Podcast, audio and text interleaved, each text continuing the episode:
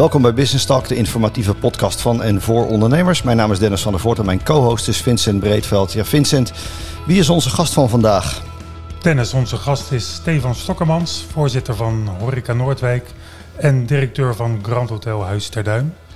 Stefan, om met uh, Huis ter Duin te beginnen, hebben jullie het afgelopen jaar al iets kunnen terugverdienen van alle verliezen uit de coronatijd? Of is het heel lastig? Nou ja, natuurlijk. Het begon uh, verkeerd met uh, geen, geen kerst en geen Sylvester in 2021 en maar afwachten wanneer je weer moet gaan ondernemen. Ja.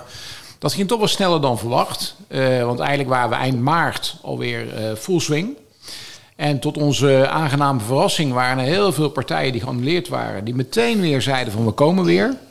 Uh, dat had ook een beetje mee te maken dat we natuurlijk nog wel wat uh, aanbetalingen hadden staan en noem maar op. Maar ja. we waren eigenlijk in juni alweer vol aan de gang en uh, mooie zomer gedraaid.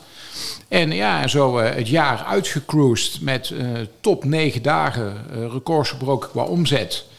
helaas door de kostenstijgingen niet qua, qua winsten de, de, de records gebroken. Maar het lek is weer boven, we kunnen weer ondernemen. En ik denk als ik in oktober 2021 had moeten tekenen voor het resultaat van 22, had ik dat uh, in dankbaarheid gedaan. En het is toch een beetje het gevoel dat we nog wel wat kansen hebben laten liggen. Dus wij zitten er wel optimistisch in. Maar jullie zitten dus eigenlijk alweer op het oude niveau? Of?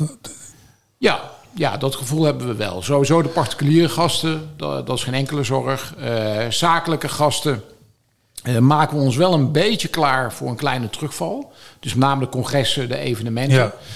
Uh, mensen zijn toch wat voorzichtiger geworden economisch. Maar er is, er is wel vertrouwen voor, voor 23. Als je kijkt naar uh, de, de horecabedrijven in je omgeving, want je zit hier natuurlijk ook als voorzitter van Koninklijke Horeca Afdeling Noordwijk. Um, hoe zie je dat bij de collega's? Zijn er bedrijven in de problemen of, of krabbelen ze allemaal weer een beetje erbovenop? Uh, het is zwaarder geworden. Ik denk dat Noordwijk, uh, ik noem het altijd gekserend, het Gallië in het uh, Romeinse Rijk, ja. zeg maar. En dat, dat geldt ook wel een beetje voor ondernemers in de horeca. Kijk, als je natuurlijk aan het strand zit, de mens is nog steeds zo dat als er maar een moment kan zijn dat ze naar het strand kunnen, dan komen Daar gaan ze. ook, ja, dat is ook zo. En, en da daar heb je wel een voordeel. er zijn nog wat mensen die, die bezig zijn met hun zaken te verbouwen. dus er is ook wat capaciteit minder in de markt. Uh, op, op, korte termijn verwacht ik in Noordwijk niet dat er een issue is. Uh, na de zomer uh, kan het misschien wel eens een, een dingetje gaan worden. En wat, wat is daar dan de oorzaak van? nou ja, de, de perfect storm die je met elkaar niet wilt hebben. dat er toch ondernemers zijn die niet in staat zijn om, een, om zeg maar, hun voorschot terug te betalen. Ondanks dat er wel een uitstel gekomen is. Uh, er zijn natuurlijk ondernemers die een nieuw energiebonnetje hebben gekregen. Er zijn ondernemers die nog steeds niet volledige capaciteit hebben om te kunnen draaien. Die gewoon een arbeidstekort hebben. Uh, en niet alleen de energienota is hoger en het uh, arbeidstekort is er nog steeds, maar ook alles is duurder geworden. vanaf je bakkerij, je, je inkoop, alles kost meer geld.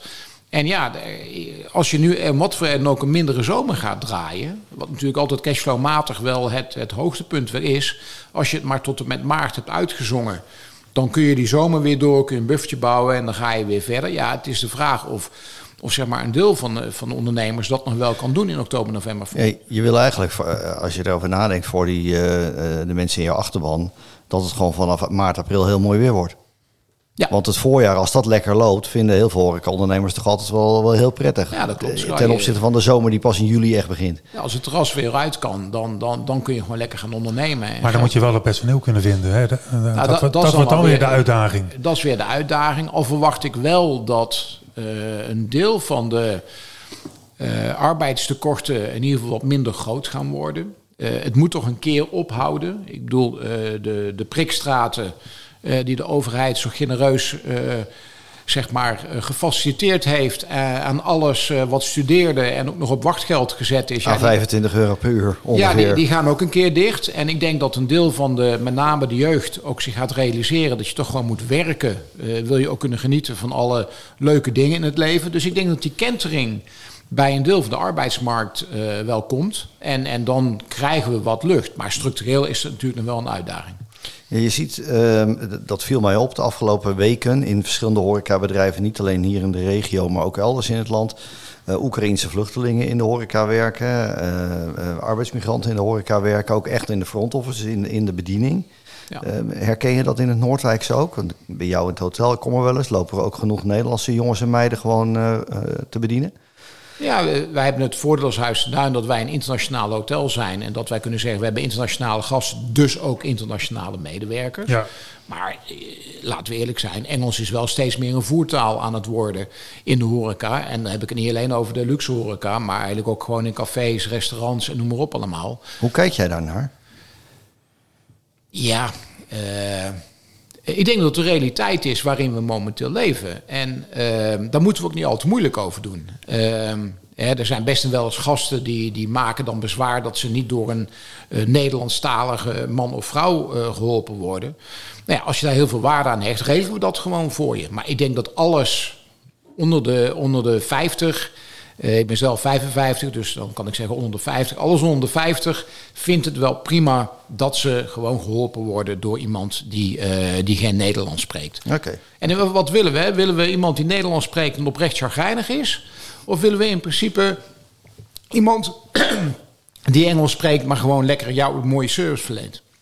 Nou ja, uiteindelijk gaat het denk ik toch om het laatste. Maar ik herken ook wel de andere kant van de, van de medaille. Dat mensen, er, en je zegt het denk ik heel goed leeftijd van onze ouders, die, vinden dat, die hebben waarschijnlijk meer moeite met, uh, met andere talen. Laten we het zo, zo afdoen.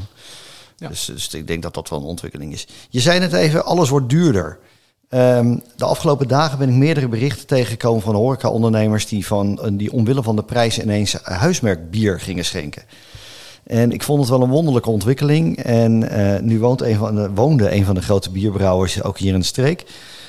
Herken je dit? Zie je dit gebeuren in, uh, in, in, in met name ook de natte horeca, maar misschien ook in je eigen bedrijven?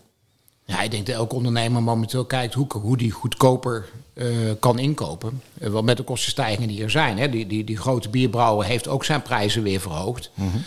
uh, ja, daar loop je tegenaan. Ik, ik denk dat het mooie is dat we wel in een tijd leven dat je het anders kunt verpakken. En als jij nu inderdaad maar, maar een, mooi, een mooi concept een ander type biertje verkoopt, vinden gasten het eigenlijk ook wel mooi. En uh, ik, ik, ik heb maar weinig mensen die echt nog wel eens het verschil proeven tussen bepaalde dranken. Of die het verschil proeven in eten en dat soort dingen. Dus ik vind het wel een mooie uitdaging. En ja, het is de realiteit waarin je zit. Als dat de manier van overleven wordt voor een ondernemer, eh, is het zoals het is. En uh, nou ja, goed, zolang ze niet illegaals doen, uh, is, is, is dat natuurlijk een, een, een prima uh, zin. Kijk, het wordt een ander verhaal als dat je straks weer, wat we natuurlijk ook gekend hebben in de horeca, dat de fuste bier uit België gehaald worden. En dat die überhaupt niet op een inkoopbond stonden. Ja, eh, als je naar dat niveau gaat zakken, dan heb je natuurlijk heel andere uitdagingen. Ja, dat zie ik nog niet zo snel gebeuren, maar je nee. weet maar nooit. Maar uh, het Noordwijks Blond komt er wel een keer aan. Ja, we hebben al een heel mooi, uh, heel mooi Noordwijks biertje. Dus in dat opzicht. En natuurlijk de speciaal bieren worden ook steeds, leuker. En, en, je ziet natuurlijk ook in de horeca dat het, uh, het, het echte... Nou ja, zoveel mogelijk bier drinken in zo kort mogelijke tijd. Dat is al een tijdje voorbij. Ik denk dat steeds meer mensen echt genieten van gewoon... niet alleen het biertje zelf, maar ook de omgevingen waarin ze zitten... en de gezelligheid van het gezelschap. Ja, mooi. Wat aan de andere kant wel gek is, wat je in de horeca ziet, is dat aan de ene kant, hè, er wordt, uh, werd en wordt er veel geklaagd. Heel gebrek aan personeel. En aan de andere kant is het zo dat het aantal horecabedrijven, ik heb de indruk dat dat wel enorm stijgt nog steeds. Het zijn vaak van die pop-up-achtige dingen. En ja. uh, niet, niet, allemaal van het allure van uh, Grand Hotel Huis de Duinen uiteraard. Maar in winkelstraten bijvoorbeeld, zie je dat heel veel reguliere winkels allemaal door horeca worden vervangen. En dat is dan toch wel een beetje een rare beweging, is dat? Nou ja, nee, kijk, ik, ik, ik denk, uh, en dat, dat is een gevaarlijke uitspraak, ik denk dat COVID nog wel eens een soort van uh, blessing in disguise kan zijn geweest, voor, ja. de, voor de horeca. Ja. Want het kaf van het koren wordt wel uh, toch gescheiden. En je moet je afvragen, laten we zeggen, net voor COVID, in de goede tijd, iedereen die een recept had uh, met een bepaald iets, en dan is misschien wel de avocado het meest uh, sprekende voorbeeld, uh, begon een avocado-restaurant. Zonder ene kennis, maar alles moest kunnen. En we hadden een pandje en we deden er maar acht tafeltjes in. Of een stroopwafelwinkel. Ja, ja, de meest rare dingen gebeuren op een gegeven moment. Het kon allemaal. Iedereen vond het spannend. Iedereen vond het gezellig. Ja, dat heeft in mijn perceptie niks meer met horeca te maken natuurlijk. Uh, ik, ik, wil niet blijven hangen in, in hoe het in, vroeger allemaal was. Maar het is natuurlijk gewoon wel een ambacht uh, en gewoon echt een, een daadwerkelijk beroep waar je wel iets meer mee kunt doen dan in principe een, een avocado uh, afpellen en bakken. Maar zie je dan voor de, voor, voor de nabije toekomst wel mogelijkheden tot een bepaalde vorm van innovatie? Of is dat bij horeca eigenlijk nou dan? Moet je eigenlijk weer terug naar het oude? Nou, ik denk dat de echte innovatie, de, de innovatieve horecaondernemer weet een heel andere balans te vinden in, in technologie die voor hem werkt en een medewerker die voor de gast zorgt. Ja. En, en je hebt in de horeca nog steeds te veel onderdelen uh, die eigenlijk gewoon vervangen kunnen worden door gewoon uh, technologie. En uh, waarbij dan juist de man of vrouw die het gastcontact heeft het verschil kan maken. Ja. En dus blijft, de... In feite blijft het gewoon people's business. Tuurlijk. Ja. En, en, maar je hebt ook een andere gast. Kijk, als je natuurlijk de nieuwe generatie is natuurlijk überhaupt bang om te praten. Want die, die communiceren via hun telefoon. En, dat is iets wat we bij iedere podcast krijgen terug. Hebben over de jeugd die, die, die niet durft te bellen en niet wil praten. Het is, nee, precies. Maar, maar er natuurlijk heel veel mensen, als je kijkt naar een hotel... Uh, heel veel jeugdigen vinden het helemaal niet erg om in te checken uh, met hun telefoon... en precies. überhaupt nog niet eens iemand te spreken. Die willen gewoon zo snel mogelijk ongezien naar hun kamer... En niet omdat ze iets te verbergen hebben, omdat ze gewoon eng vinden dat er gastencontact plaatsvindt. Nou ja, als zij dat prima vinden en ze zijn er steeds bereid om voor de diensten en de faciliteit te betalen, even goede vrienden. Maar dan kun je wel de mensen die je overhoudt in gaan zetten om juist een hele mooie ontvangst te doen. En daar zit ook de kans, denk ik, voor een innovatieve ondernemer. Um, wij waren vrij ver als Huis de Duin met, met Downies en Brownies uh, voordat ze overgenomen werden. Ja. Maar wij waren bezig om daadwerkelijk uh, medewerkers te, te, te, selecteren met een Down-syndroom voorbij de voordeur. Ja. Want het mooie vond ik van, van de medewerker met een Down-syndroom... puurdere gastvrijheid kun je niet krijgen. Mensen die zo uh, open zijn en, en, die ook op een bepaalde manier bejegend dienen te worden... dat vind ik mooi, daar zit een bepaald respect achter. En ik denk als je dat soort, uh, zeg maar mogelijkheden onderzoekt, dat je dan heel, heel, en dat is ook een vorm van innovatie, hoe je natuurlijk anders met medewerkers om kunt gaan. Ik denk dat je dan gewoon heel, nog steeds heel ver kunt komen. Zie je bij jou in de zaak de tablets op tafel komen? De? de tablets op tafel komen of de QR-codes om je product te bestellen in de, in de, uh, in de restaurants? In, in, sommige onderdelen zeker. Ja. En, ik vind het wel een uitkomst hoor. In Noordwijk aan het strand kan dat bij sommige strandtenten. Hè? Als je er zit, kan je gewoon met je telefoon bestellen en dan komt iemand het brengen. Nou ja, kijk, en, dat is en, daar, daar, heb je een hele goede. Kijk, dat is ook het mooie van wat faciliteer je als gemeente. Hè? Het, het mooie is dat natuurlijk uh, op het strand in Noordwijk. Uh, daar, daar hebben we best wel pittige gesprekken met de gemeente over wat wel en niet kan qua service. Maar het is natuurlijk best wel bijzonder dat als je gewoon vijf meter naast mijn strandvak gaat liggen je ongeveer alles kunt bestellen uh, wat je maar wilt. Uh, en via allerlei uh, pizzeria's ja, oh, dat wordt, ja, ja, wordt het gewoon naast je ja. gelegd. Dus het is er wel. Het is bekend. Dan wil een horecaondernemer op een mooie manier doen met service en noem maar op allemaal. Nou, daar, daar moeten we dan uren over praten. En ondertussen ligt er vijf meter verderop iemand waar je de pizzadozen voorbij, voorbij ziet komen. Waarbij vervolgens één grote bende op het strand wordt. Want ja, die pizzadozen passen we niet natuurlijk in de afvalbakken die, die gefaciliteerd zijn. Dus je moet ook mee durven gaan. Dat geldt niet alleen ja, voor de ondernemer. Ja. Ook, ook, een, ook de overheid, lokaal, provinciaal, moet mee in die stroom. Wat, wat zie je als grote wens? Want je noemt nu even de, de, de, de nou in dit geval de gemeente. Uh, dat is denk ik je eerste, je eerste point of contact uh, naar de overheid toe. Wat is je grootste wens wat in Noordwijk, of trek het wat breder in de Bollenstreek, nu gerealiseerd wordt? Nou, ik, ik denk, wij, wij, zijn ook lid uh, met NOV van het bedrijfsleven Bolderstreek. Ik, je mag wensen dat de manier waarop we daar als ondernemersvereniging onderling met elkaar gesprekken voeren over problemen, dat dat ook op bestuurlijk niveau gebeurt. Twijfel je daar? Uh, nou ja, laat ik zeggen, de, uh, er kan misschien heel veel input zijn, maar de output is zo bedroevend. Ja, en, het is en, wel een mooi bruggetje. Er, is, ja. er, er, er, komt weer een nieuwe economische agenda aan. Uh, de oude, daar vinden alle gemeenteraden wat van dat het niet gewerkt heeft, het plan wat zij zelf bedacht hebben. Ik vind dat buitengewoon wonderlijk. En, um, en, en in een aantal gemeenten is dat door de bocht. En er staan, zijn drie thema's nu gekozen. Uh, duurzame greenport, uh, kennisintensieve maakindustrie. Nou, wie de regio een beetje kent, vraagt zich al meteen af... Waar zit die kennisintensieve ja. maakindustrie? En gezond toerisme, dat, dat moet je aanspreken.